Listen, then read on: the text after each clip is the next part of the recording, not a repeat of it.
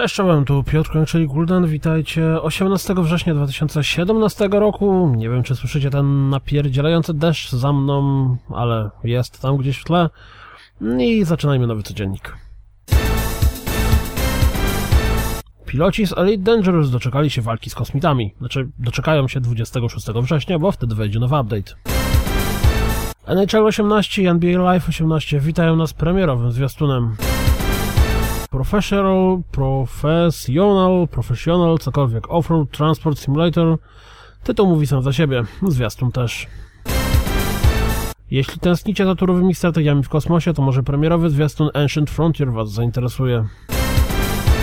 Oto premierowy, tak jak wy, bo premiera 28 września, zwiastun Konga Master w wersji na Switcha, na razie na wyłączność. Lubicie rajdy? To zapewne zwiastun premierowy i kilka fragmentów rozgrywki z WRC 7 przekona Was do zagrania. O proszę, oto Light Tracer, czyli wykorzystanie PlayStation VR do gry logiczno-platformowej, gdzie nie sterujemy bezpośrednio bohaterem. Mało takich gier, więc dla fanów MX vs ATV All Out może być interesujące. Trzeci epizod drugiego sezonu Minecraft Story Mode dostał zwiastun, a ja dalej nie rozumiem po co to komu i czemu widzę tam Hellboya. Pojawił się delikatny przeciek sugerujący, czego będzie dotyczyło DLC Not a Hero zmierzający do Resident Evil 7, łącznie z tym, że historia może naprowadzić nas na Resident Evil 8. 29 września rozpocznie się otwarta beta Call of Duty WW2 na PC, a tu sprawdzicie sobie jej wymagania sprzętowe, w sensie wymagania sprzętowe gry, nie bety. Crypt of Necrodancer trafi na Switcha!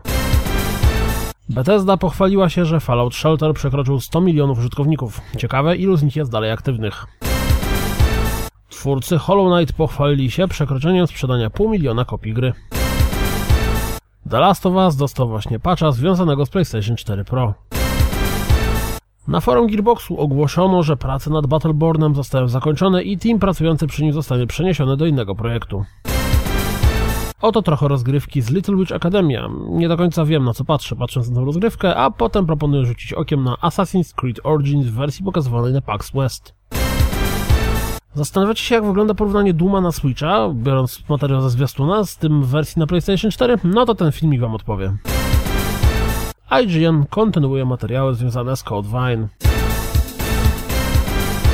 To wszystko na dziś, jak zawsze dziękuję za słuchanie, jak zawsze zapraszam na www.rozgrywkapodcast.pl Jeśli doceniacie codzienniki, zapraszam Was na Patronite'a i mam nadzieję, że usłyszymy się jutro. Trzymajcie się, cześć!